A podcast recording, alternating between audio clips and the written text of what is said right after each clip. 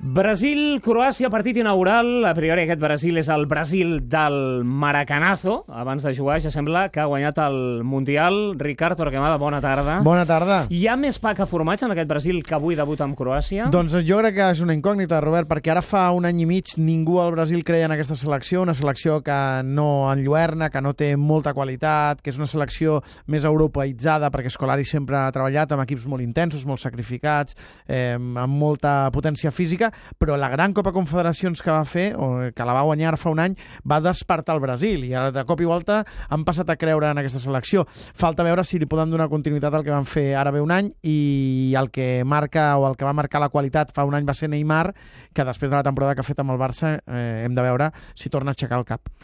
Els que han fet la porra de Catalunya Ràdio s'han posat 3 a 0 al Brasil-Croàcia. És el resultat més interessant? Creus, me... cre...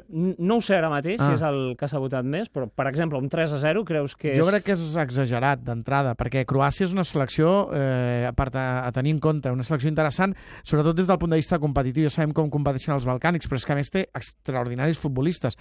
Només hem de veure qui són els dos mitjcentres, Modric i Rakitic. Probablement dos jugadors de molt atac, veurem si, si Nico Kovac posa un jugador jugador de més equilibri, perquè contra el Brasil imagino que Croàcia haurà de sortir més a la contra i esperar, però amb jugadors molt interessants, eh? com eh, Jelavic, com Perisic, com Kovacic, eh, jugadors de mig camp cap endavant molt, eh, molt atractius, i per tant m'espero un partit eh, difícil per la selecció del Brasil, fins i tot no descartaria que Croàcia pogués donar la primera sorpresa, el que seria el primer maracanazo.